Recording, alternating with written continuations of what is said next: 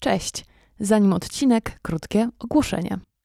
Z tymi, którzy słuchają mojego głosu po raz pierwszy, dopiero teraz poznają pracownię dziewczyn lub nie są obecni na Instagramie pracowni, chciałabym podzielić się radosną nowiną, że pracownia dziewczyn znalazła się na liście 30 tworzonych przez kobiety podcastów polecanych przez magazyn Forbes.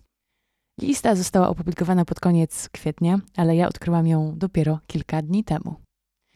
Z tego miejsca chciałabym więc bardzo podziękować Forbes Women za wyróżnienie, ale także słuchaczkom i słuchaczom, którzy kibicują temu podcastowi, słuchają historii bohaterek pracowni, dzielą się nimi z innymi.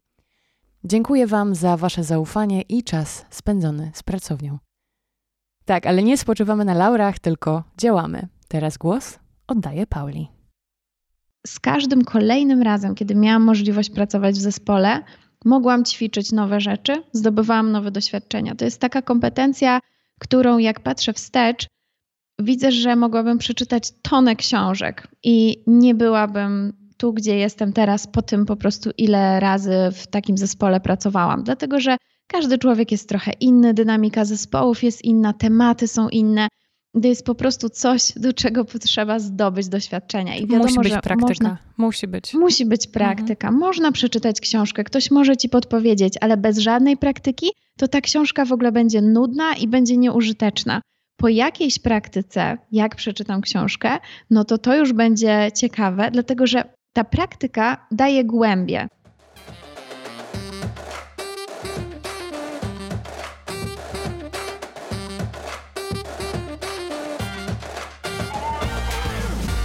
Cześć, tu Ania. Zapraszam do Pracowni Dziewczyn.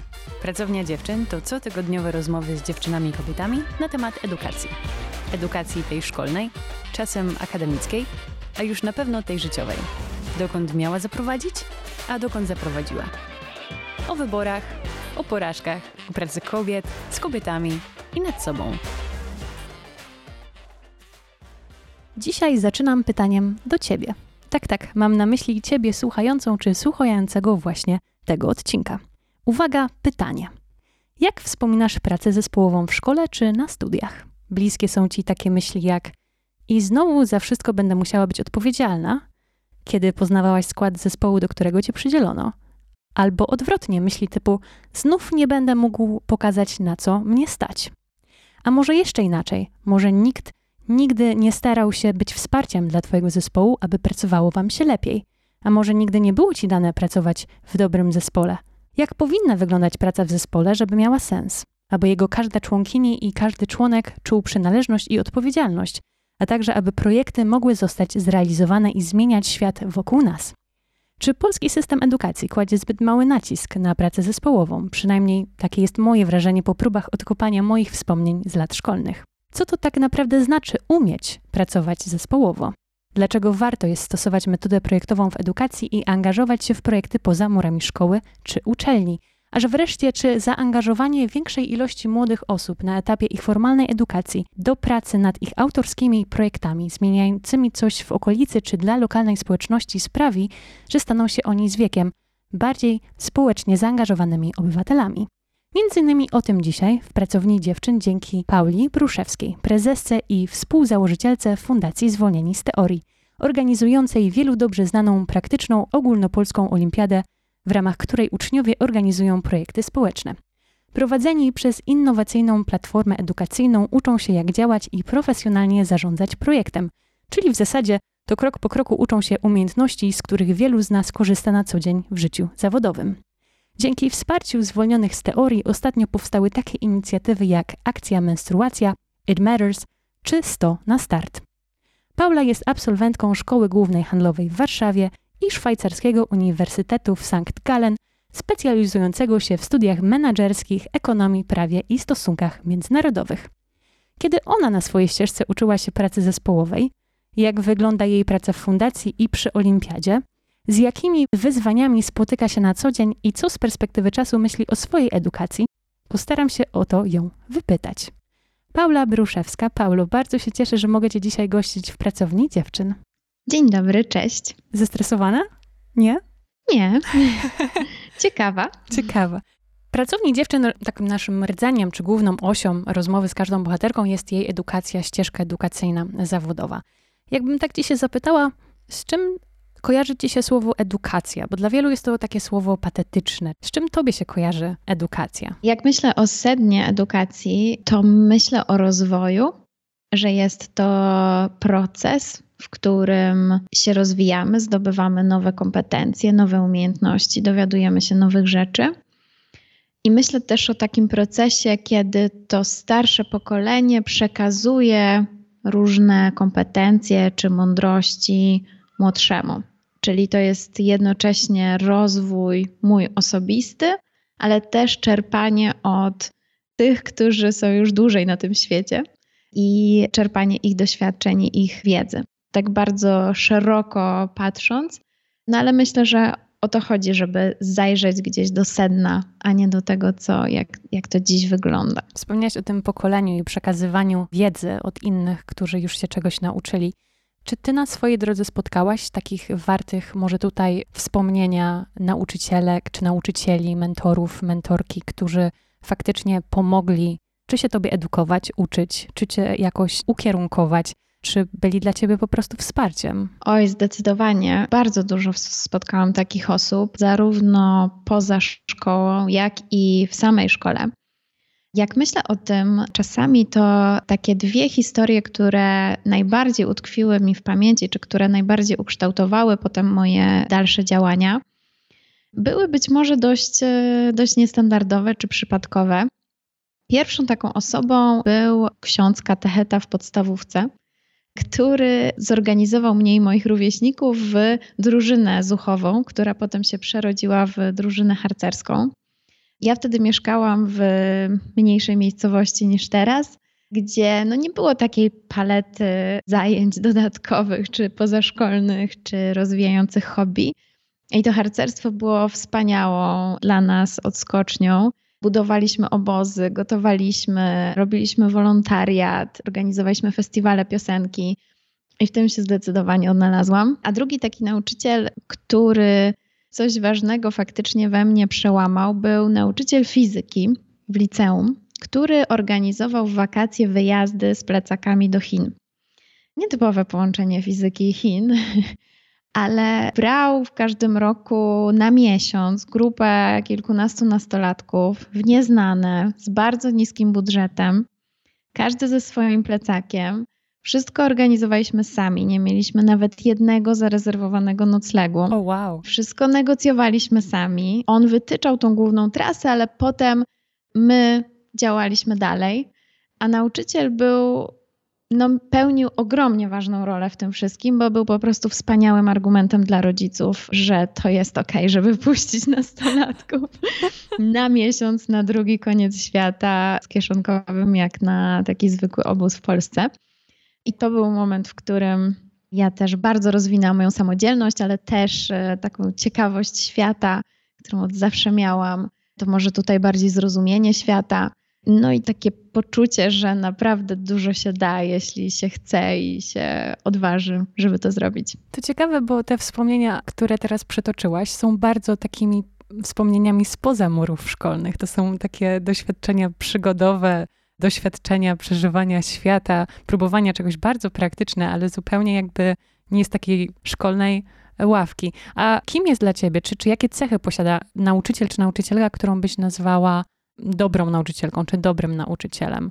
Jakie cechy są takimi kompetencjami, które ty uważasz za po prostu fantastyczne i przyciągające uczniów do takiej osoby? No, wydaje mi się, że to jest osoba, która nie narzuca, tylko osoba, która proponuje, podrzuca jakieś możliwości, która patrzy na każdego swojego ucznia indywidualnie. I tu wiadomo, że jak się ma 40-osobową klasę i co 45 minut wchodzi kolejna 40 osób, to jest to po prostu niemożliwe. Więc teraz trochę w oderwaniu od realiów opowiadam, ale też nawet jeśli nie miałoby być tej części takiego bardzo indywidualnego patrzenia, no to chodzi o, myślę, że takie najważniejsza rzecz to jest wiara w uczniów i naprawdę pełny szacunek do nich, takie zachowanie godności młodego człowieka w 100%, nie traktowanie go z góry. I wydaje mi się, że już tylko to, tylko tego typu podejście dodaje dużo dodatkowych skrzydeł i umożliwia rozwijanie tych indywidualnych talentów już najwyżej każdy w swoim zakresie, jeśli nauczyciel nie ma realnie czasu, żeby na to poświęcić uwagę. Najważniejsze jest to, żeby nauczyciel po prostu wierzył w ucznia. A ty masz dużo takich doświadczeń ze szkoły, takiego partnerstwa, o którym wspominasz. Ja zmieniłam szkołę w połowie gimnazjum, więc mam dwa różne doświadczenia ze szkoły. Pierwsza to była szkoła publiczna właśnie w mojej niedużej miejscowości, w której się wychowałam, w Ostrołęce. A drugie to była społeczna szkoła w Warszawie. I w pierwszej szkole miałam świetną wychowawczynię bardzo fajną klasę i super wspominam ten czas, ale doświadczyłam tam też kilku szkolnych traum, takich tradycyjnych, jak e, jedynka z matmy albo stres przy odpytywaniu przy tablicy. Wiadomo, wszyscy to znają, którzy tak. chodzili do zwykłej szkoły. A w drugiej, do której się przeniosłam później w związku z przeprowadzką mojej rodziny, nie było pytania pod tablicą, nie było jedynek za nieprzygotowanie. Było mnóstwo wyboru i swobody, co dla mnie osobiście działa zdecydowanie bardziej motywująco niż te jedynki i te odpytywanki ale też musiałam się do tego przestawić, czyli mimo, że trafiłam w takie miejsce, które bardziej mi odpowiadało, no to potrzebowałam trochę czasu, żeby, żeby przestawić się na taki, taki system, w którym nauczyciel kibicuje i faktycznie jest zawsze z uczniem. Chociaż cały czas tego doświadczałam też w tej pierwszej szkole, właśnie dzięki mojej wspaniałej wychowawczyni. A ty byłaś taką uczennicą, której raczej taka jedynka z matmy to się przydarzała bardzo rzadko, czy lubiłaś sobie czasami coś odpuścić, jak cię jakiś temat nie interesował? Jak to wyglądało, jeżeli chodzi o takie e, twoje podejście do edukacji, jak byłaś taką małą uczennicą? No właśnie. Ja na pewno się tą, taką jedynką bardzo, bardzo przejmowałam. To pamiętam, bo to po prostu naprawdę była moja konkretna trauma z tamtego czasu. To było w czwartej klasie podstawówki. I nie zdarzała się ona często, ale to nie wynikało nawet z tego, że ja musiałam wszystko bardzo sumiennie zrobić, bo ja nie byłam nigdy taką uczennicą. Ja lubiłam nie zrobić pracy domowej, albo wręcz rzadko robiłam pracę domową, ale co do zasady uwielbiam się uczyć. To jest coś, co ja naprawdę lubię i jeśli to tylko było coś ciekawego, to z wielką przyjemnością siadałam do książek i się uczyłam, więc realnie te oceny miałam bardzo dobre, ale to nie wynikało z tego, że robiłam to z strachu czy dla kogoś, tylko po prostu z takiej ciekawości świata, która towarzyszy mi od dziecka i do teraz, że po prostu naprawdę lubię się uczyć. A czego się dzisiaj lubisz uczyć? Albo czy jest coś, czego się uczysz teraz po prostu? Czy chcesz się nauczyć? Tak naprawdę to uczę się cały czas. Też y, praca, którą mam, sprawia, że uczę się nieustannie, ale też po pracy, jak mam zrobić coś przyjemnego dla siebie, to też bardzo często to jest znowu uczenie się. Jak y, udało mi się troszeczkę odchować moją pierwszą córkę, to pierwsze, co zrobiłam dla siebie, to zapisałam się na lekcję hiszpańskiego, więc to pokazuje, myślę, że faktycznie to uczenie się sprawia mi frajdę. Super. A jak na przykład właśnie przyniosłaś taką jedynkę, to pamiętasz jakieś takie komunikaty w domu, które się przy takich okolicznościach pojawiały od twoich rodziców czy innych członków rodziny? U mnie w domu mówiło się, że uczeń bez jedynki to jak żołnierz bez karabinu. Nie wiem, czy u ciebie też takie, e, takie komunikaty się pojawiały. Jakie w ogóle mieli twoi rodzice podejście do, do nauki, do edukacji? Czy ona była ważna, czy to był taki obowiązek? Czy właśnie dostawałaś też taką wolność? No słuchaj, Paula, jak cię to nie interesuje, dobra, skup się na czymś innym. Tak, zdecydowanie dostawałam wolność, ale jeszcze większą, bo moi rodzice po prostu nie pytali o oceny. Mhm. Też jest tak, że nie musieli, bo te oceny zwykle były dobre, bo lubię się uczyć, ale też to nie było coś, co ich realnie ciekawiło, o czym chcieli ze mną rozmawiać tak na bieżąco. A co więcej, to co jestem im też bardzo wdzięczna, to też zaszczepiali we mnie takie podejście, że ważne jest to, co ja zrobiłam, co ja osiągnęłam, a nie jak to się ma na tle innych. Czyli zdarzało mi się przyjść i powiedzieć: O, zobaczcie, ja tu dostałam szóstkę, cała klasa to niezbyt im poszła ta klasówka. No i wtedy moi rodzice mówili: Cieszę się, że tobie dobrze poszła, nie, że tutaj robisz takie porównania. Mhm. I to była dla mnie bardzo ważna lekcja, bo jednak oceny tak naturalnie wprowadzają tego typu rywalizację czy porównywanie się, kto jest lepszy, a kto jest gorszy. Moi rodzice uświadomili mi, że nie musi tak być, że można je potraktować zupełnie inaczej. Wspomniałaś o swojej córce i o tej wdzięczności wobec swoich rodziców. Czy myślisz, że jest jakaś taka nauka, czy jakiś, y, jakiś taki komunikat, już tak się uczepiłam tego słowa, który ty byś chciała swoim dzieciom przekazać właśnie, jako taki ważny, tak jak ty masz od swoich rodziców? No ja mam nadzieję, że takich lekcji moje dzieci będą miały dużo, ale tą konkretną lekcję przekazuję im na pewno dalej. I staram się pójść jeszcze o krok dalej niż to mówili moi rodzice, bo to nie tylko chodzi o oceny w szkole, prawda? Tylko o wiele innych sfer, w których tak kusi nas, przynajmniej mnie i, i moje dzieci, żeby odnosić się do innych. A jak to jest w kontekście innych? A pytanie, czy to jest ważne, albo czy to jest właśnie najważniejsze, czy nieważniejsze jest po prostu to, czego my chcemy, co nas interesuje, co dla nas jest ważne. I teraz, kiedy mam dwie córki, no to ćwiczymy to na okrągło. Tu jedna z bohaterek e, podcastu powiedziała, że bardzo ważne jest po prostu porównywanie e, siebie samego do tej osoby z wczoraj. Czyli jaką ja byłam wczoraj, czy dzisiaj zrobiłam więcej, czy jestem lepsza w swoich oczach i tak dalej, co wydaje mi się jest mega ważne szczególnie dla młodych osób, też w takim kontekście życia czy rzeczywistości wraz z mediami społecznościowymi, kiedy my faktycznie widzimy tak dużo osób pokazujących różne rzeczy, swoje umiejętności, gdzie są, gdzie ich nie ma, co mają, czego nie mają i tak dalej. No tak, chociaż jeśli chodzi o media społecznościowe, to ponieważ wszyscy tam jesteśmy i też y, wszyscy możemy tworzyć, to też wiemy, że to, co widać na zdjęciu, to niekoniecznie jest to, jak wygląda rzeczywistość, tylko to jest najlepsze ujęcie akurat tej konkretnego wycinka rzeczywistości, więc. E, tak. Ale tak, tak, wydaje mi się, że dla młodych ludzi to, to jest e, bardzo ważna lekcja i bardzo ważna perspektywa, bo w tym porównywaniu się naprawdę łatwo jest się zatracić, szczególnie kiedy możemy obserwować cały świat. Tak, zgadzam się zupełnie. Ja sobie cały czas muszę przypominać o tym, mając już prawie 30 lat. Wracając do ciebie i do twojej ścieżki, e, czy ty byłaś taką dziewczyną, kiedy e, przyszło co do wyboru takiej ścieżki życiowej w cudzysłowie, matura, wybory maturalne, studia, ewentualna dalsza nauka i tak dalej? Czy ty raczej byłaś taką dziewczyną, która miała plan, że tak to będzie wyglądało, a że uczę się dobrze, to będzie egzekucja planu A? Czy byłaś taką osobą w tamtym momencie, która pozwalała sobie na jakąś elastyczność, na o, zobaczymy, gdzie mnie życie poniesie, jak nie ten kierunek, to się nic nie stanie, spróbuję coś innego. W tamtym czasie wydawało mi się niesamowicie istotne, żeby iść tą ścieżką, taką tradycyjną ścieżką edukacyjną. Nie widziałam przykładów osób, które by robiły inaczej i realizowały swoje pasje. Teraz tych przykładów na szczęście jest dużo więcej. Więc dla mnie było to absolutnie oczywiste i to nie był jakiś, wiesz, mój wielki plan, tylko raczej to była taka oczywistość, że po gimnazjum idzie się do liceum, a po liceum idzie się na studia i że to jest taka naturalna kontynuacja. Dopiero kiedy na tych studiach się znalazłam, to zobaczyłam, że to nie jest taka naturalna kontynuacja i że tu ten utarty schemat się kończy. I teraz jest moment, żebym ja faktycznie ustaliła, co dalej.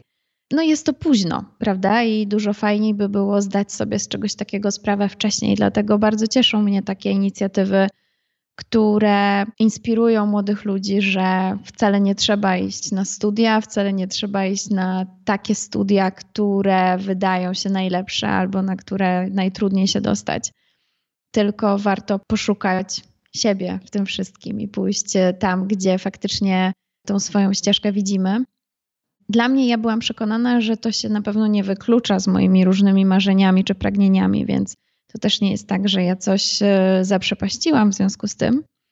Ale też nie wiem, czy tak bardzo mnie w tą stronę popychało. Moje marzenie swoją drogą było, żeby pracować w ONZ. Najchętniej to być szefem ONZ-u oczywiście. Wow. I co byś wtedy zrobiła, jakbyś była szefową ONZ-u? Jaka jakie by były twoje postulaty? No właśnie, no w tamtym czasie wydawało mi się, że to jest takie miejsce, które ma bardzo duży wpływ na świat, szczególnie na te kraje, w których jest dużo cierpienia i dużo trudów. I wydawało mi się, że to jest to miejsce, w którym my, świat rozwinięty, dzielimy się z tymi najuboższymi. I też to była moja motywacja, żeby pojechać do Szwajcarii, bo tam właśnie te wszystkie agendy międzynarodowe mają swoje siedziby. Więc cały czas to marzenie było ze mną aktywne bardzo długo, bo w sumie jeszcze po licencjacie. Ale bardzo szybko, jak już tam przyjechałam, to to marzenie się zdezaktualizowało. Dlaczego? No właśnie, ta uczelnia, którą wybrałam, ona była niesamowicie praktyczna i może jeszcze uda nam się chwilę o tym opowiedzieć, o właśnie o tej pracy w zespole i o tych y, miękkich, bardziej praktycznych kompetencjach. Na mojej uczelni była taka możliwość, żeby zrobić projekt z taką międzynarodową organizacją, a wręcz dla niej. No i my w zespołach studentów mieliśmy konkretne wyzwania, z którymi aktualnie się ta organizacja mierzyła. Mieliśmy je rozwikłać, wymyślić coś mądrego, a potem im przedstawić nasze pomysły. I kiedy to zrobiliśmy i pojechaliśmy do nich i przedstawiliśmy im nasze pomysły, to wtedy zdałam sobie sprawę, albo wręcz oni dość, dość bez ogródek powiedzieli o tym, że ich wpływ jest naprawdę minimalny, że być może kiedyś, jak te organizacje powstawały, to kraje liczyły się bardzo z ich zdaniem. Te finanse, które płynęły, były naprawdę istotne. A teraz mogą oczywiście coś doradzać i czasami mają spore w tym sukcesy, czasami rządy faktycznie współpracują dość blisko z taką organizacją, ale że teraz najczęściej każdy wybiera swoją ścieżkę. Niekoniecznie kraje chcą naśladować to, jak, jak my się rozwinęliśmy jako Europa, tylko chcą szukać czegoś e, własnego, własnej drogi. I przez to ich wpływ stał się naprawdę niewielki. I to był ten moment, w którym zdałam sobie sprawę, że może niewielka organizacja, tylko może jakaś mniejsza organizacja, która naprawdę zmienia świat wokół siebie. Czyli zacznij lokalnie, działaj globalnie swoją zmianą. A nauczyła cię ta, ten pobyt w Szwajcarii, te studia w Szwajcarii, nauczyły cię czegoś tak od strony prywatnej, na przykład o Twoich umiejętnościach, o Twoich jakichś lękach, obawach, co umiesz, czego nie umiesz, czy masz jakiś problem, co jest wyzwaniem na przykład? Jasne, że tak. W Szwajcarii to, co mnie zaskoczyło, to właśnie wspomniane praca w zespole albo zaliczanie przedmiotów wspólnie. To było coś, co było bardzo niepopularne w Polsce na mojej uczelni polskiej. I dopiero tam poznałam taki system, w którym faktycznie robimy coś w zespole, dostajemy jedną ocenę i wszyscy uważają, że to jest sprawiedliwe. Co więcej, tam na Uniwersytecie w St. Gallen oceny są niezwykle istotne, jeszcze bardziej istotne niż u nas, dlatego że tam one mają rozkład normalny i nie tylko liczą się do średniej, ale też są taką realną wskazówką dla pracodawców, kto sobie lepiej poradził na tych studiach, a kto gorzej. Studia są dość trudne. Czyli nie chodzi o to, że na przykład jesteś absolwentką i masz magistra z danej uczelni, tylko pracodawcy też mogą zobaczyć, jakie dostawałaś oceny z danych przedmiotów i jak sobie radziłaś? Dokładnie tak. I przez to, że, przez to, że te oceny mają rozkład normalny, to znaczy, że nie mogą wszyscy dostać najlepszej oceny, tylko faktycznie są tacy, którzy tylko ci, którym poszło najlepiej w stosunku do całej grupy, dostaną lepszą ocenę, a te oceny muszą się rozłożyć po całości, tak? Czyli takie, taka sytuacja, że no wszyscy dostali piątkę z jakiegoś przedmiotu, po prostu nie może istnieć. I tam faktycznie przykładają się do ocen ich waga jest ogromna, a mimo to nie mają żadnych oporów, żeby dawać tą samą ocenę dla całego zespołu. I to tym bardziej mnie poruszyło, Również dlatego, że ta społeczność międzynarodowa, która tam studiowała, dla niej też to było w porządku, oczywiste. A u nas jednak spotykam się ze sporym oporem, takim poczuciem, że to jest niesprawiedliwe, bo ktoś pracuje więcej, ktoś pracuje mniej. I to, co też tam mnie zainteresowało, to to, że w tych naszych pracach zespołowych faktycznie wszyscy pracowali. I wiadomo, że ktoś mniej, ktoś więcej, albo ktoś miał lepsze pomysły, ktoś lepiej przelewał myśli na papier, ale mimo wszystko wszyscy byli zaangażowani. I jak się zastanawiałam i też podpytywałam ludzi, dlaczego, dlaczego tak się dzieje, czemu przecież no, jesteś w zespole pięć osób, no to możesz nic nie robić i tak dostaniesz dobrą ocenę. Wszyscy mówili mi, jeden raz mogę tak zrobić, ale następnym razem nikt mnie nie wybierze do swojego zespołu. Więc y, jednak, jeśli taki system jest no nie jednorazowo, tylko on po prostu jest wdrożony na uczelni, no to faktycznie to działa. I było to bardzo motywujące. Czasem ta praca w zespole się nie układała. Były różne osobowości, były różne konflikty, ale mam wrażenie, że to wszystko było po to, żeby nas nauczyć i przygotować do, do naszej przyszłości. Czyli ten system pracy w grupach, w zespołach, on jest nie kopiowany, ale on po prostu przekłada się na to, co w rzeczywistości czeka na nas w pracy zawodowej, tak? Dokładnie tak. I też tak było u ciebie, jeżeli chodzi o twoje doświadczenia bo pracowałaś w korporacjach, o ile ja dobrze pamiętam, prawda? Miałam też takie doświadczenie, tak.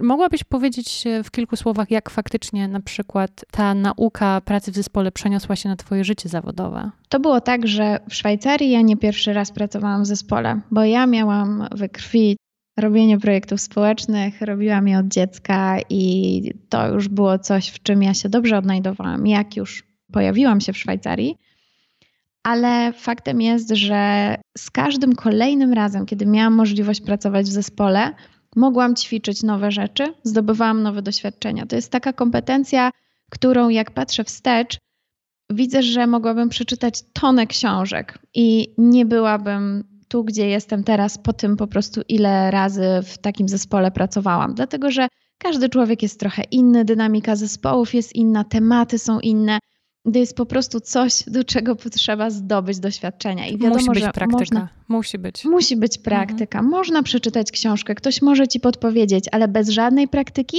to ta książka w ogóle będzie nudna i będzie nieużyteczna.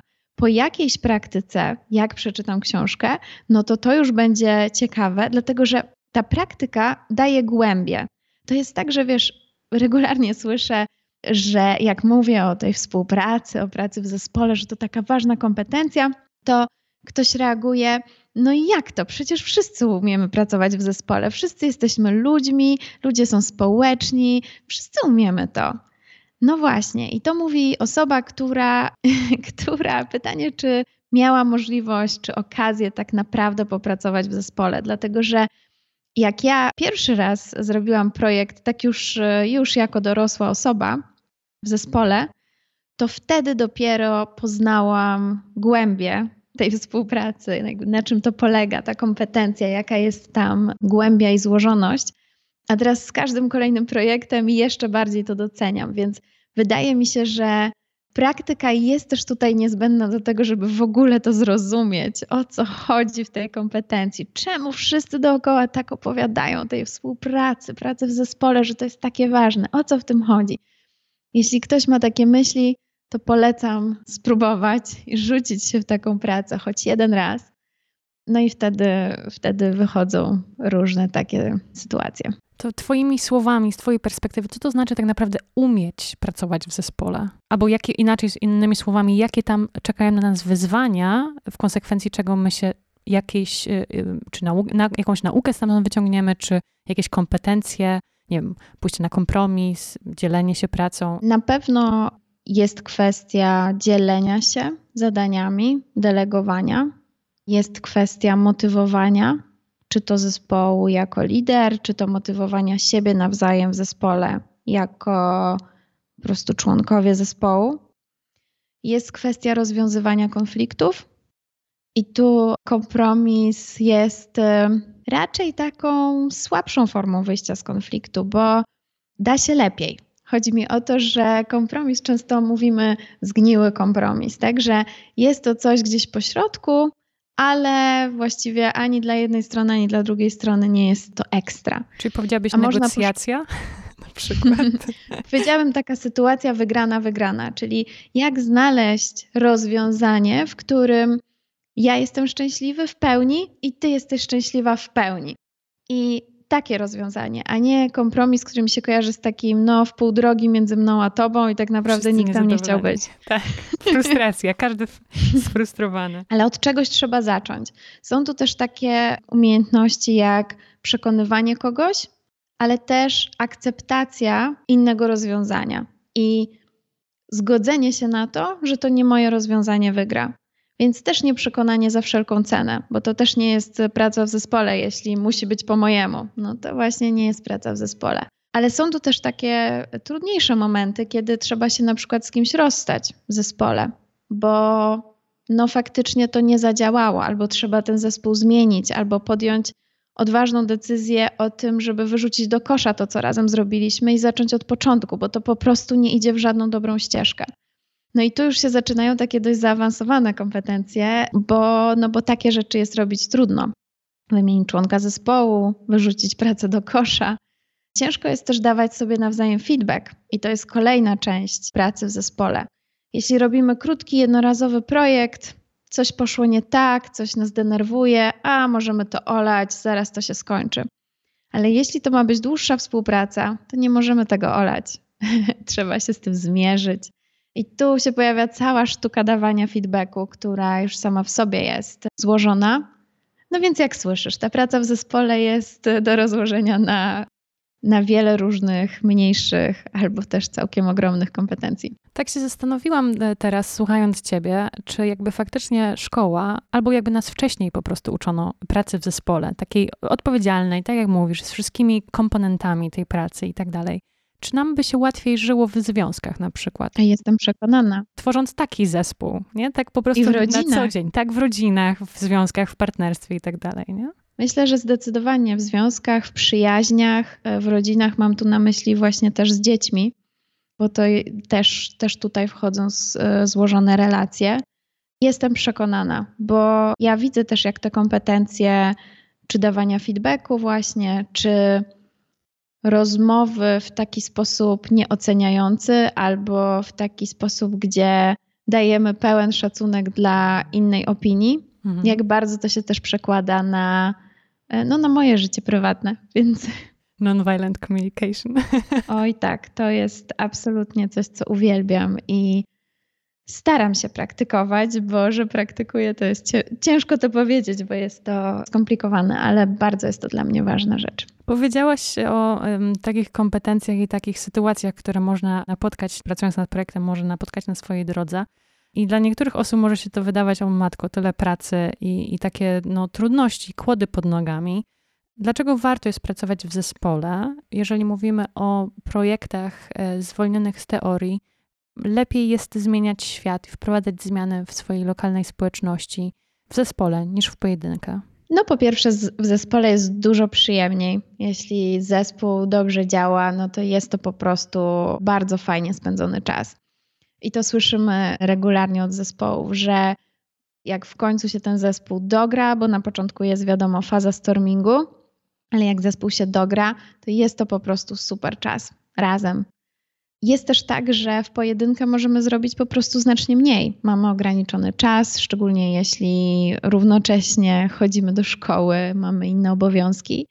A jeśli tych osób jest pięć, no to już nagle ten projekt może być e, zdecydowanie większy.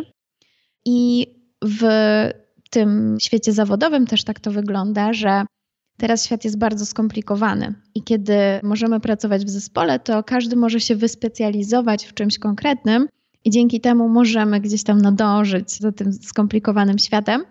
A jeśli mielibyśmy to wszystko opanować w pojedynkę, no to nawet nie to, że byłoby to trudne, ale wydaje mi się, że teraz to już wręcz niemożliwe. A jakie wyzwania się pojawiają na drodze młodych e, uczniów, młodych studentów, z którymi ty masz do czynienia, albo obserwujesz ich projekty, ich pracę nad aplikacjami na przykład? O czym oni mówią, albo o czym możesz usłyszeć od mentorów tych zespołów? Więc jeśli chodzi o współpracę, to często doświadczają takiej weryfikacji, że ludzie, z którymi najfajniej im się gada na przerwie albo idzie na imprezę, czy gra w grę sportową, to niekoniecznie są ci ludzie, z którymi najlepiej się potem realizuje coś w praktyce. Wiesz, na początku ludzie tworzą zespoły po prostu z tych ludzi, których lubią, których mają wokół siebie, których lubią, z którym, jest, z którym im jest przyjemnie, a potem zauważają, że właściwie to mogliby dobrać ten zespół bardziej pod kątem kompetencji, albo motywacji, tego, co kogoś pasjonuje. I okazuje się, że z kimś, z kim może nie tak śmiesznie się gada na przerwie, można zajść znacznie dalej z projektem. I to jest takie pierwsze odkrycie. I to odkrycie jest też, y, ma swoją taką bardzo pozytywną stronę, taką, że ci ludzie też się znacznie mocniej zaprzyjaźniają. Dlatego, że jeśli sobie śmiesznie gadamy na przerwie, to to jest inna głębia relacji niż jeśli mamy poczucie, że możemy naprawdę na siebie liczyć w trudnym momencie. Bo mieliśmy taki moment ciężki w projekcie i ja dobrze wiem, kto wtedy zajął się swoimi rzeczami, a kto ruszył do działania i był przy mnie. To jest jedna rzecz, a druga rzecz to jest właśnie to spotkanie się z taką sytuacją, że ktoś umówił się na coś, wziął na siebie jakieś zadania, no i nie zrobił. I pytanie, jak e, w takiej sytuacji się odnaleźć, jak rozmówić się z tą osobą, jak ją zmotywować, albo właśnie w ekstremalnej sytuacji, jak się pożegnać. Hmm. To jest bardzo ciekawe, co mówisz, i ja wręcz tak zazdroszczę tym młodym osobom, które przechodzą przez takie doświadczenie trudnej realizacji, że z kimś jednak, z kim się fajnie mm, spędzało czas na przerwie, nie jest łatwo mm, robić jakiś projekt i tak dalej, bo ja słyszę niestety w moim gronie przyjaciół osób po trzydziestce, które na przykład są menadżerami w startupach albo są współpartnerami w różnych startupach i się okazuje, że no właśnie taki startup, firmę otwierali czy zakładali w zasadzie z kimś, kogo też dobrze nie znali. Więc fajnie, że takie doświadczenia, chociaż trudne, u wielu osób zdarzają się po prostu na etapie szkoły czy takiej pracy przy projekcie, gdzie po prostu później takie osoby wiedzą, z kim budować jakiś taki większy projekt, czy, czy właśnie pracę, otwierać firmę, zakładać startup, gdzie o wiele, wiele więcej będzie na przykład osób zależnych od tego, tak? Współpracowników, pieniędzy. To jest bardzo ważna lekcja i faktycznie to obserwujemy, że rzadko kiedy ten konkretny projekt zwolnionych z teorii przeradza się w organizację czy w wielką inicjatywę. Czasem to się zdarza, ale jest to rzadkie, dlatego że to jest dla wielu osób pierwszy raz, kiedy e, próbują czegoś prawdziwego, pierwszy raz, kiedy pracują w zespole. I to jest zwykle właśnie takie doświadczenie, które jest po prostu dla nich nauką, edukacją. I z tego doświadczenia czerpią pełnymi garściami później, kiedy zakładają coś drugiego. I bardzo co sobie cenią, że już mieli to pierwsze doświadczenie, że już mogli ten pierwszy raz siebie sprawdzić, innych sprawdzić i teraz mogą to zrobić lepiej. Często u nas potem łączą się ludzie z różnych zespołów. Wiesz, że jak robią mhm. drugi projekt albo zakładają organizację czy swój biznes, to robią to z kimś ze zwolnionych z teorii, ale nie ze swojego zespołu, tylko z kimś po prostu poznanym z innych zespołów ale już też sprawdzonym w boju, bo tak. zrobił swój projekt, wiadomo jak to poszło, wiadomo jaki był podział obowiązków. No i można komuś takiemu bardziej zaufać właśnie, szczególnie jeśli w grę zaczynają wchodzić poważniejsze pieniądze. Fantastycznie. Zastanawia mnie jeszcze, jeżeli mówimy tutaj w kontekście osób bardzo, no bardzo, może nie bardzo młodych, ale młodych, po prostu uczniów, studentów, czy ktoś, może słyszałaś, spotkał się z jakimiś trudnościami ze względu na właśnie młody wiek? Taki wiek, który może stereotypowo dla wielu innych osób w społeczeństwie, na przykład w instytucjach czy przy załatwianiu jakiejś formalności, tak trochę wskazuje na to, że jesteś taki młody i mało wiesz, albo czegoś po prostu, no, no jak, tu robisz jakąś taką tu akcję charytatywną, albo jakąś wielką inicjatywę. Czy pojawia się właśnie taka dyskryminacja może, czy jakaś taka stereotypowa ze względu na, na, na, wiek uczestników? Czasami się pojawia, chociaż bardzo dużo też e, obserwujemy sytuacji odwrotnej, że to, że to nastolatkowie przychodzą do burmistrza, do firmy, do radia i mówią, my się weźmiemy za ten problem, że to mhm. ludziom strasznie imponuje. I bardzo często jest e, ta sytuacja ta sytuacja, o której ty mówisz, takiego stereotypowego podejścia do wieku, zdarza się wtedy, kiedy ambicje młodych ludzi rosną. Jeśli robią mały projekt, zwykle jest ta pierwsza wersja. Wszyscy dookoła się cieszą, kibicują, pomagają, bardzo chętnie zapraszają właśnie do radia, bo to nastolatki bardzo chętnie dorzucą e, stówkę, bo ci młodzi ludzie mają tyle entuzjazmu. A jeśli chcą zrobić coś dużego, występują poważne pieniądze, to wtedy zdarza się, że z czymś takim się spotykają. Ja zwracam uwagę na taki bardzo prosty przykład tego, kiedy młodzi ludzie też sami tak się trochę podkładają w tą sytuację. Nie wiem, czy zwróciłaś uwagę, ale nastolatki czy studenci na początku studiów bardzo często zwracają się do starszych ludzi per pani, a kiedy usłyszą e, z powrotem na ty, to nie przechodzą na ty. Tylko jest to dla nich ok, że to ja w takim razie będę mówił per pani, a pani będzie do mnie mówiła po imieniu. To już chociażby jest taka, wiesz, taka nierówna sytuacja, która mi zgrzyta i jest mi z nią bardzo niewygodnie. Spotykam się z nią bardzo często. Tak jakby dla młodych ludzi to było naturalne, że do mnie to można mówić po imieniu, ale ja to do wszystkich będę mówił per pani. Wydaje mi się, że to też jest taki prosty sposób, w jaki można, jaki mogę podrzucić, jak się można troszkę uwolnić z takiej, z takiej sytuacji, że o tutaj, o tu przyszedł ktoś młody i to ja mu będę teraz, nie, nie wiem, no nie wierzę, że, że zrobi taki projekt albo że to jest mało prawdopodobne, no to można troszkę się z tego uwolnić, przynajmniej dbając o tą równość, jak się nazywamy. Hmm. Jak teraz myślę o swoich studiach, to ja chyba tam więcej miałam do czynienia z osobami z katedry właśnie zwracający, zwracającymi się do mnie per pani, w sensie pani Aniu. Tak. Chociaż wszystkie moje doświadczenia z zagranicy były na ty. Tam jakby było z zachowaniem szacunku i tak dalej, ale było pełne partnerstwo i nie było pani, pan, tylko wszyscy do siebie po imieniu. Nie wiem, jak u ciebie to było. Nie wiem, co też wolisz. Ja zdecydowanie wolę po imieniu, i, a na studiach wszyscy mówili wykładowcy per pani, ale na przykład jak ja mam styczności z młodzieżą i oni do mnie się odzywają per pani, i ja wtedy powiem na ty, to oni jakby zupełnie nie chcą, nie chcą tego zaakceptować, albo właśnie akceptują taką sytuację, że to oni będą mówić pani, a ja będę mówić na ty.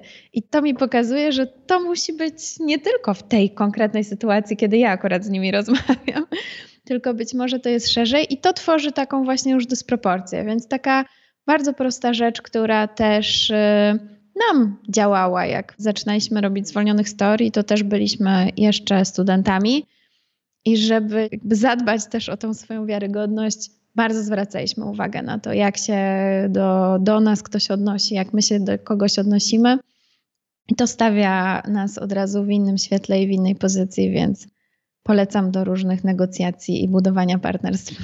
A ty, jak zakładałaś zwolnionych z teorii wraz ze swoimi współzałożycielami, no i, i teraz, patrząc na to, gdzie jesteście teraz zwolnionymi, ile osób jest zaangażowanych, ile uczniów, ile uczennic, ile też nauczycieli, nauczycielek, z drugiej strony wspierających właśnie te projekty uczniowskie i studenckie, i też ile szkół jest za, zaangażowanych, to patrząc na ten, to, gdzie zaczynaliście, gdzie jesteście teraz, to jakie myśli przychodzą ci do głowy? Jesteś dumna? No bardzo. Myślisz, że, że po prostu, nie wiem, apetyt wzrasta w miarę jedzenia i chcielibyście jeszcze zawojować bardziej? Jak to wygląda? Ja jestem przede wszystkim bardzo dumna. Faktycznie, jak wymyślaliśmy zwolnionych storii, na początku to się tak nie nazywało, to w życiu nam przez myśl nie przeszło, że będzie to tak duża inicjatywa, że to będzie nasza główna praca, bo robiliśmy to czysto hobbystycznie. I patrząc, gdzie jesteśmy teraz, no to rozpiera mnie duma, ale też duża satysfakcja, bo widzę, ile młodych ludzi skorzystało z tego i jak wiele razy usłyszałam o tym, że zwolnieni historii zmienili czyjeś życie, albo że młodzi ludzie nauczyli się więcej przez te trzy miesiące niż przez całe liceum. To są bardzo mocne słowa, które usłyszałam wielokrotnie, a nie często się spotykam z młodymi ludźmi, którzy robią projekty zwolnionych z teorii, bo robią je głównie online. I taki moment na takie nasze osobiste spotkanie zwykle był jeden czy dwa w roku. I to daje dużo siły i zdecydowanie uskrzydla, ale daje też takiej siły właśnie konstruktywnej, że skoro udało nam się dojść tutaj, to może uda nam się dojść jeszcze dalej. Czyli to nie jest na zasadzie, o, zrobiliśmy za mało, albo y, och, teraz to, te, to, co teraz osiągnęliśmy, to w ogóle nie ma znaczenia. Absolutnie, to bardzo ma duże znaczenie i, i zrobiliśmy naprawdę dużo. Nie zmienia to faktu, że to gdzieś utwierdza w przekonaniu, że możemy. A marzy mi się, żeby każdy młody człowiek miał możliwość zrobić swój własny projekt społeczny. Bo teoretycznie każdy może po prostu zdecydować pewnego dnia, że robi projekt i go zrobić, ale praktycznie po prostu nie starcza na to czasu. Wiele osób nie wie, że jest coś takiego jak projekt społeczny i nie wie, jakie to przynosi korzyści, co to daje. Więc pod tym wszystkim mam na myśli możliwość zrobienia projektu społecznego. Chciałabym, żeby każdy wiedział, że coś takiego jest, co może z tego wyciągnąć, no i żeby miał na to realnie czas, a nie gdzieś tam musiał robić w środku nocy, jeśli, jeśli mu zależy. I to jest to, do czego dążymy. Teraz jesteśmy na poziomie 20 tysięcy młodych osób, zaczyna taki swój projekt rocznie. To już jest bardzo dużo i bardzo się z tego cieszę. Chciałabym, żeby każdy mógł tak zacząć. To co, lepiej jest być prezeską zwolnionych z teorii, czy szefową ONZ-u? No ja nie mam wątpliwości.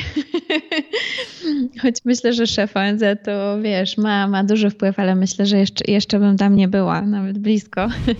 Raczej to jest tak, jak widzimy też po tym stanowisku, bardziej praca dla 60-70-latków.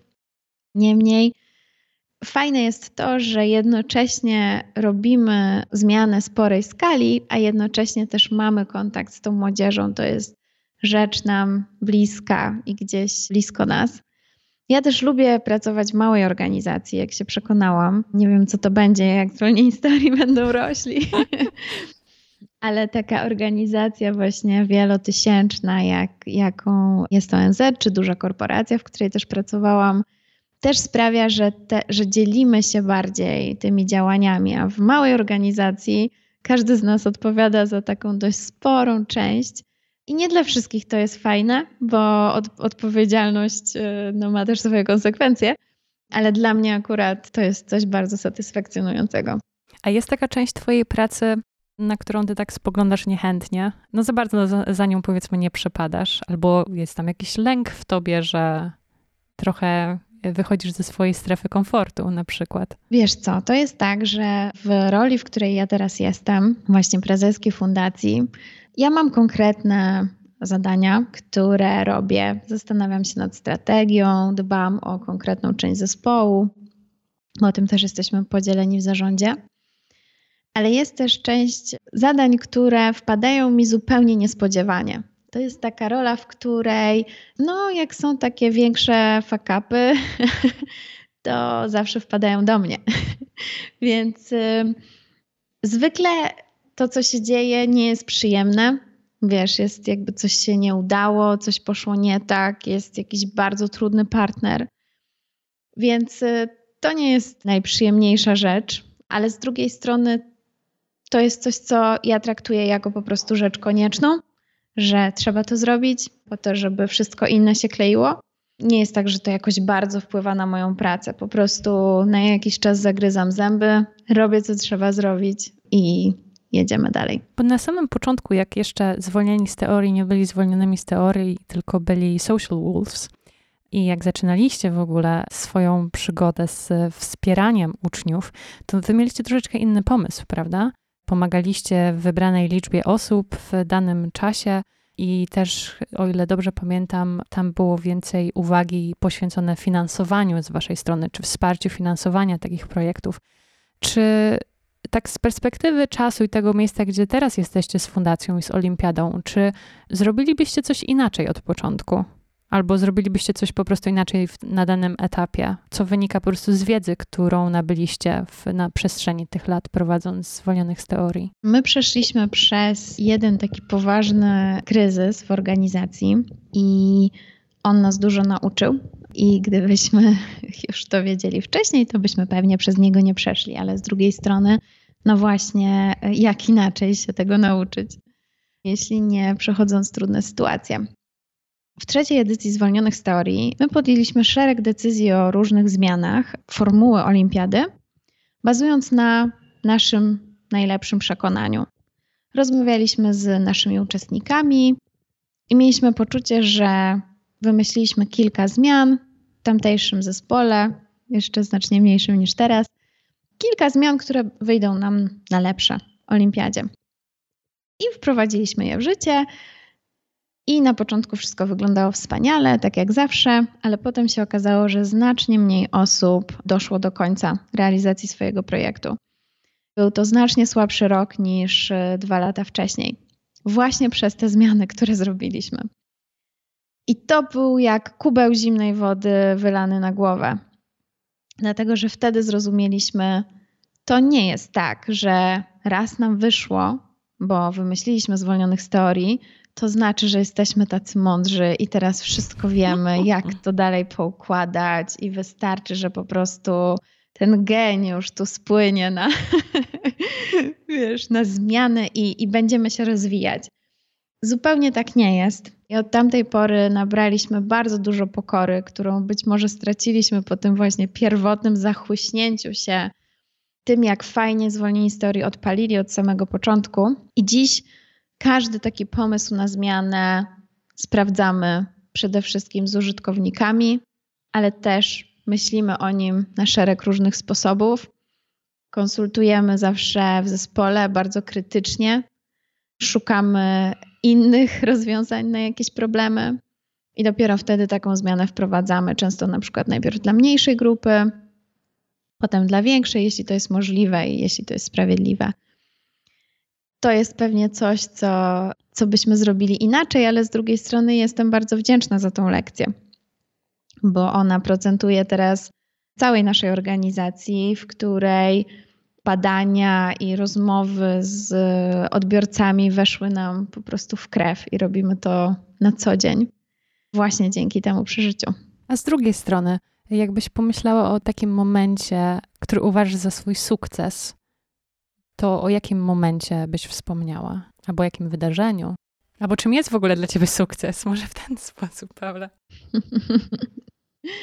tak, ostatnio przypomniałam sobie taki wycinek z mojej pracy zawodowej w Zwolnionych z Teorii, który był trudny, ale faktycznie bardzo satysfakcjonujący. To było tak, że my jak zaczynaliśmy Zwolnionych z Teorii, to zaczęliśmy pracować z agencją interaktywną, która stworzyła naszą platformę. My wtedy nie mieliśmy możliwości zatrudnić e, deweloperów, specjalistów i byliśmy bardzo wdzięczni. Zresztą też zrobiliśmy to na zasadach partnerskich ze świetną agencją. I po kilku latach doszliśmy do wniosku, że jeśli my mamy tutaj zostać i rozwijać się i, i działać sprawnie, to my musimy te kompetencje zdobyć sami. I potrzebujemy zrobić dział IT czy dział tech wewnątrz naszej organizacji. Ja wzięłam to zadanie na siebie, mimo że nie umiem programować i nigdy nie robiłam czegoś takiego. No i to było trudne zadanie. Faktycznie dużo jest memów, żartów a propos współpracy z programistami. nie wiem, czy to się aż tak sprawdziło, raczej nie, ale trochę nawiązuję do tego, dlatego że to było faktycznie inne wyzwanie niż budowanie jakiegokolwiek innego zespołu, który miałam w, w życiu. I to było naprawdę faktycznie szło pod górkę. Ale dziś mamy bardzo sprawnie działający zespół technologiczny, który miałam przyjemność prowadzić przez półtora miesiąca ostatnio, kiedy była zmiana menadżera. I właśnie to są takie rzeczy, które spadają właśnie na prezesa, ale to była faktycznie wielka przyjemność, dlatego że zobaczyłam, jak ten zespół się rozwinął przez lata, jaki fajny i zaawansowany i kompetentny zespół udało się zbudować bardzo kompetentnych, zaangażowanych deweloperów. No i to sprawiło mi ogromną satysfakcję. Mhm. Chciałabym Cię zapytać teraz, tak słuchając Ciebie, myślę o zmianach, bo zdajesz mi się po prostu odmieniać przez przypadki słowo zmiany. I jeżeli chodzi o tę e, historię porażki, jeżeli chodzi o historię sukcesu, że w życiu zawodowym e, jest tyle zmian, czy też w pracy Twojej jako prezeski, czy myślisz, że szkoła nas jakoś tak, czy ten formalny system edukacji w ogóle przygotowuje albo jakoś tak nas uczy, jak sobie radzić ze zmianami? Czy to zmianami, które my chcemy wprowadzić i co się potem wydarzy już za zakrętem, za naszym działaniem, czy też takimi zmianami jak na przykład no, COVID-19, tak? Albo to, że świat się zmienia i rynek pracy się zmienia. Czy budujemy jakąś taką, wynosimy jakąś taką odporność, jakąś taką naukę z tego systemu edukacji? No wiesz co, raporty twierdzą, że niezbyt. To jeśli chodzi o cały system edukacji, to mogę Ci powiedzieć bardziej z perspektywy badań czy raportów, i tam faktycznie raczej wypadamy w tym słabo. A z mojego osobistego doświadczenia mogę powiedzieć, że mam wrażenie, że szkoła mnie wręcz trochę uśpiła w tym. O proszę. Nie dość, że mnie nie przygotowała, tylko wręcz tam była taka obietnica cały czas takiej ciągłości, stałości. Raczej wszystko było bardzo przewidywalne. I gdyby nie te Chiny, które były bardzo nieprzewidywalne, no to faktycznie być może nie miałam okazji, nie miałabym okazji praktykować czegoś takiego, takich zmian, takiego dostosowywania się. A to jest no, nieodłączną częścią. Na pewno jeśli tworzysz swoją własną organizację, bo też wyobrażam sobie, że są zawody, w których nie ma tak dużo zmian, chociaż z tego co wiem, jest ich coraz mniej i ta zmiana towarzyszy już praktycznie nam wszystkim, więc jakoś warto się z nią oswoić, chociaż to jest trudne. No i wydaje mi się, że takie uśpienie w tym, że to wszystko jest takie przewidywalne i po kolei wiadomo, jaki będzie materiał, idziemy po kolei z książką, po pierwszej klasie idziesz do drugiej klasy, po drugiej idziesz do trzeciej, wszystko jest ułożone, ustalone to pewnie daje jakieś poczucie bezpieczeństwa, ale właśnie nie pozwala mm, ćwiczyć tej kompetencji. Więc ja na pewno nie jestem za tym, żeby teraz rzucać dzieciaki na głęboką wodę szalonych zmian startupów, no bo być może też psychicznie nie są na to jeszcze gotowe, ale żeby mogły ćwiczyć w takich bezpiecznych warunkach, to jak najbardziej. I ja tak postrzegam projekt społeczny jako właśnie takie bezpieczne warunki do ćwiczenia, dlatego że chcemy zrobić coś dobrego i to sprawia, że otoczenie chce nas wspierać, chce nam pomagać, chce nas pchać do przodu. Widzę to po naszych uczestnikach, że faktycznie to, że mają taką szlachetną misję, na przykład od sprawienia, żeby tematy zdrowia psychicznego nie były tematami tabu, czy kwestia, kwestie ekologiczne, które poruszają, czy właśnie zbiórki charytatywne, o których wspominałaś. To są takie kwestie, które jednoczą ludzi i nawet jak młodzież popełni jakieś błędy, to łatwo się im wybacza. Jeśli ktoś ćwiczyłby już na przykładzie prawdziwej firmy, prawdziwego przedsiębiorstwa, no to myślę, że już by było zdecydowanie trudniej. Więc wydaje mi się, że to jest taki. No, ja, ja kocham projekty społeczne, bo właśnie wydaje mi się, że można tam ćwiczyć wiele różnych kompetencji, też właśnie odnajdowanie się w zmianie. A jak się autorzy i autorki projektów w Olimpiadzie odnaleźli przy no, wybuchu pandemii i przy tym lockdownie? Czy to było jakoś tak w miarę, w miarę gładko, czy albo co było może największym problemem, jeżeli się pojawiły wyzwania? I też takie może jeszcze jedno tutaj zagadnienie w tym temacie. Czy oni dostali i one dostali jakieś takie wsparcie właśnie tutaj ze strony mentorów, e, od zwolnionych z teorii, żeby właśnie jakoś tak lepiej nawigować w tej nowej rzeczywistości. Tak, no wszystkich nas zaskoczyło to, co się działo w marcu zeszłego roku, więc oczywiście, że to wpłynęło na projekty. My przedłużyliśmy im termin realizacji po to, żeby mogli się dostosować do tej nowej rzeczywistości, ale też pomyśleliśmy, że docenimy to, że musieli sobie poradzić z ponadproporcjonalną zmianą i wprowadziliśmy po pierwsze wsparcie dla nich, jak właśnie przejść przez taką zmianę, a po drugie dodatkowego złotego wilka właśnie za zmianę. My przyznajemy na koniec złote wilki w różnych kategoriach. To są właśnie takie tytularne wyróżnienia. I to, co nas zaskoczyło w tych zgłoszeniach do wilka za zmianę, było to, że niewielki odsetek tych osób dokonywał zmiany ze względu na pandemię.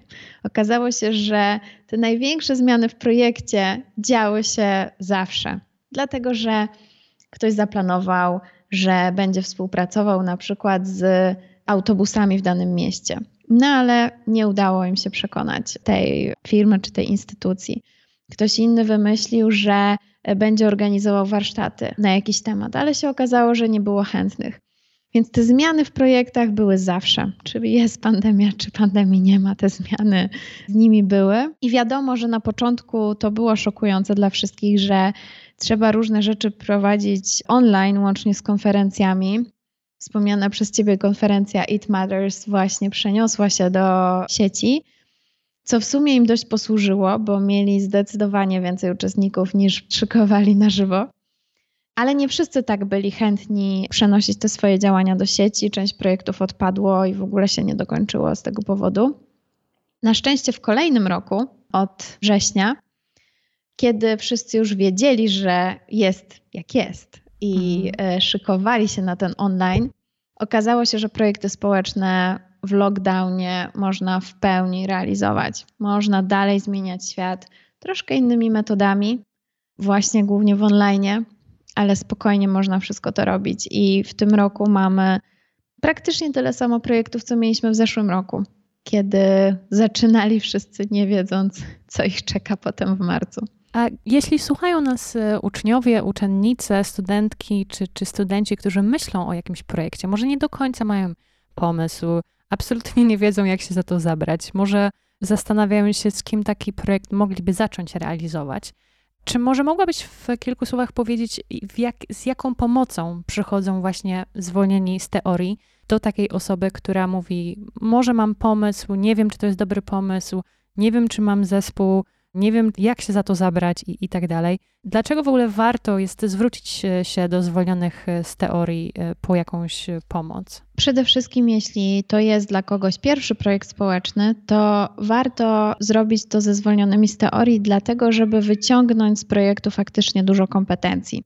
Jeśli robimy to na własną rękę, no to wychodzi to różnie. A u nas proces jest tak przemyślany, że faktycznie to są te kompetencje, które są cenione na rynku pracy i których potrzeba i które będą potem potwierdzone międzynarodowym certyfikatem z zarządzania projektami. A jeśli chodzi już o tą warstwę wsparcia, to ja każdemu polecam zarejestrować się na e, platformie zwolnienistory.pl. To nic nie kosztuje, zajmuje chwilkę. I od początku dajemy wskazówki, to jakiego zespołu poszukać, to jaki pomysł wybrać, a później krok po kroku, jak ten swój pomysł w zespole zrealizować. Więc y, warto jeszcze nawet na takim wczesnym etapie, niekoniecznie mam pomysł, niekoniecznie mam zespół, już zajrzeć y, na platformę, bo tam są te wszystkie wskazówki, ale później faktycznie ten zespół trzeba wybrać i ten pomysł, na ten pomysł trzeba się zdecydować, żeby rozpocząć. Ten zespół to mogą być dwie osoby, chociaż najbardziej polecamy 4-5 to są projekty, które wychodzą najfajniej, ale dwuosobowe projekty też potrafią świetnie wypalić, więc to nie musi być bardzo dużo osób. I też zachęcam studentów, dlatego że sporo studentów też robi taki swój pierwszy projekt społeczny właśnie ze zwolnionymi z teorii. I jest to też dla nich ciekawe doświadczenie, no chyba, że ktoś już w liceum takie projekty robił, no to wtedy być może może już działać na własną rękę.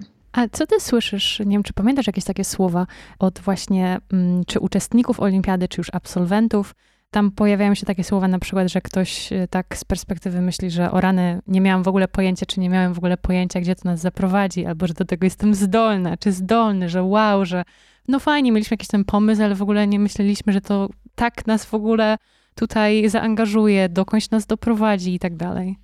Zdecydowanie, zdecydowanie tak. Chociaż to wiesz, mi się wydaje, że to też zależy od charakteru, bo są też tacy, którzy na początku wyobrażają sobie, że w ogóle pierwszym projektem to podbiją cały świat, no a potem projekt uczy ich pokory.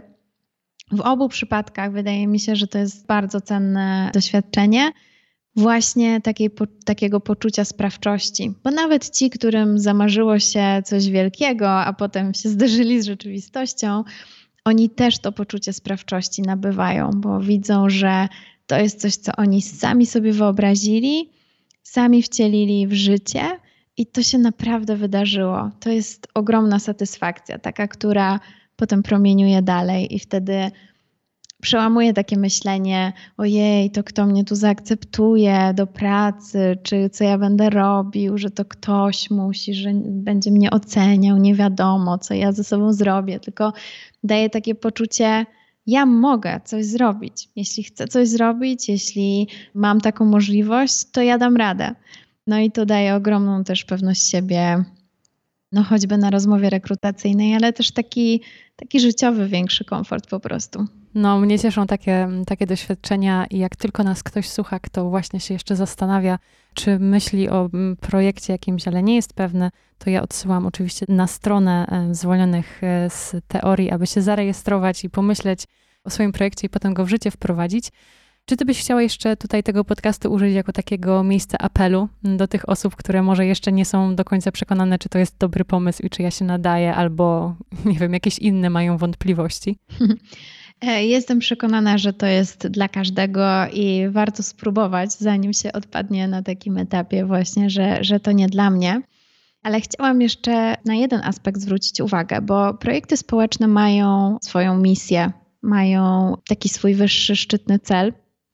I to jest coś, co samo w sobie ma, niesie ogromną satysfakcję. Kiedy widzę, że mogę komuś pomóc, kiedy zmieniam świat na lepsze, to samo w sobie daje kopa.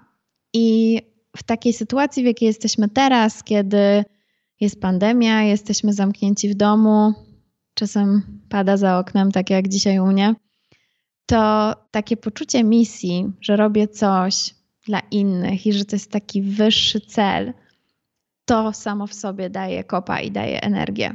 I obserwujemy to szczególnie wśród nastolatków, którzy, no jak wiemy, kondycja psychiczna, tak ogólnie patrząc na całe społeczeństwo, trochę spada.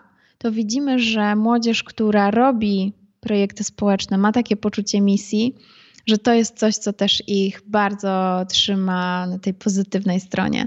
Więc jeśli ktoś też ma takie, ten lockdown czy ta pandemia czuje, że to go przygnębia, to też polecam się zastanowić, a co bym mógł czy mogła zrobić dla innych, jakbym mógł czy mogła zmienić ten świat na lepszy i w to włożyć swoją energię, bo to zdecydowanie sprawia, że uśmiechamy się potem od ucha do ucha. Zobaczyć tę zmianę, do której się przyłożyło swoją cegiełkę, no to jest, sobie tylko wyobrażam, coś fantastycznego, prawda? Potwierdzam. Ty i, i twoi współ, um, współpracownicy dołożyliście tak wielką po prostu cegiełkę tutaj, aby właśnie ruszyć i zmotywować młodzież i aby tyle dobrych rzeczy się zadziało w kraju. No i, i to się niesie, bo oni przecież są absolwentami, są zaangażowani w najróżniejsze inne projekty, inicjatywy, czy tworzą miejsca pracy i tak dalej. Na koniec, Paula, czy ty byś chciała coś e, dodać do naszego alternatywnego kanonu lektur? Książkę, film, może coś innego, może jakąś inicjatywę, z którą się warto zaznajomić, coś, co warto jest podać dalej ku takiej wspólnej inspiracji innych osób. No jeśli masz tu grono, które się interesuje edukacją, to chciałam polecić coś, co ostatnio ja się wkręciłam. A propos też współpracy, o której rozmawialiśmy, jest to Instytut Galupa, który oferuje różne swoje testy osobowości. Nie wiem, czy już to masz w swoim kanonie lektur. Ale jest to coś, co zrobiłam ostatnio. Byłam bardzo sceptyczna, że taki test osobowości trochę mi się, wiesz, z horoskopem kojarzył. Ale zrobiłam to i byłam bardzo pozytywnie zaskoczona efektem. A potem zrobiło to kilka osób, którymi współpracuję i wymieniliśmy się wynikami. I to już w ogóle było ekstra, bo jest to skonstruowane w taki sposób, że docenia Twoje talenty, więc ten test Galupa pomógł nam docenić w sobie te najmocniejsze strony, zobaczyć je, zaobserwować, nawet na konkretnych przykładach. I bardzo to polecam każdemu dla siebie, ale też właśnie dla lepszej współpracy z innymi. Paula Bruszewska. Paulo, dziękuję Ci serdecznie za przyjście do pracowni, takie wirtualne przyjście do pracowni dziewczyn, za rozmowę, za wszystkie doświadczenia, którymi się ze mną podzieliłaś i mam nadzieję, że nasza rozmowa tylko pomoże zmotywować osoby albo przekonać osoby nieprzekonane jeszcze do zaangażowania się w projekty społeczne i do niesienia zmiany, czy to w swojej lokalnej społeczności, czy na większą skalę. Dziękuję Ci serdecznie. Dziękuję bardzo i zapraszam.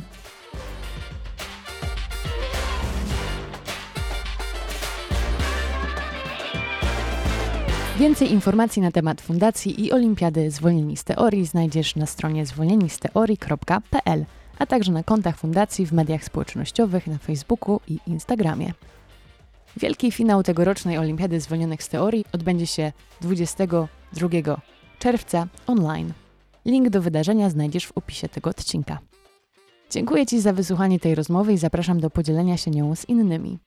Jeśli jest to Twoje pierwsze spotkanie z tym podcastem, wiedz, że pracownia jest na Instagramie, pracownia dziewczyn pod. A jeśli chciałbyś czy chciałabyś zaproponować potencjalną bohaterkę do kolejnego odcinka, możesz napisać maila na adres pracownia dziewczynpodcast.gmail.com Na dziś to już wszystko. Do usłyszenia w kolejny czwartek. Cześć!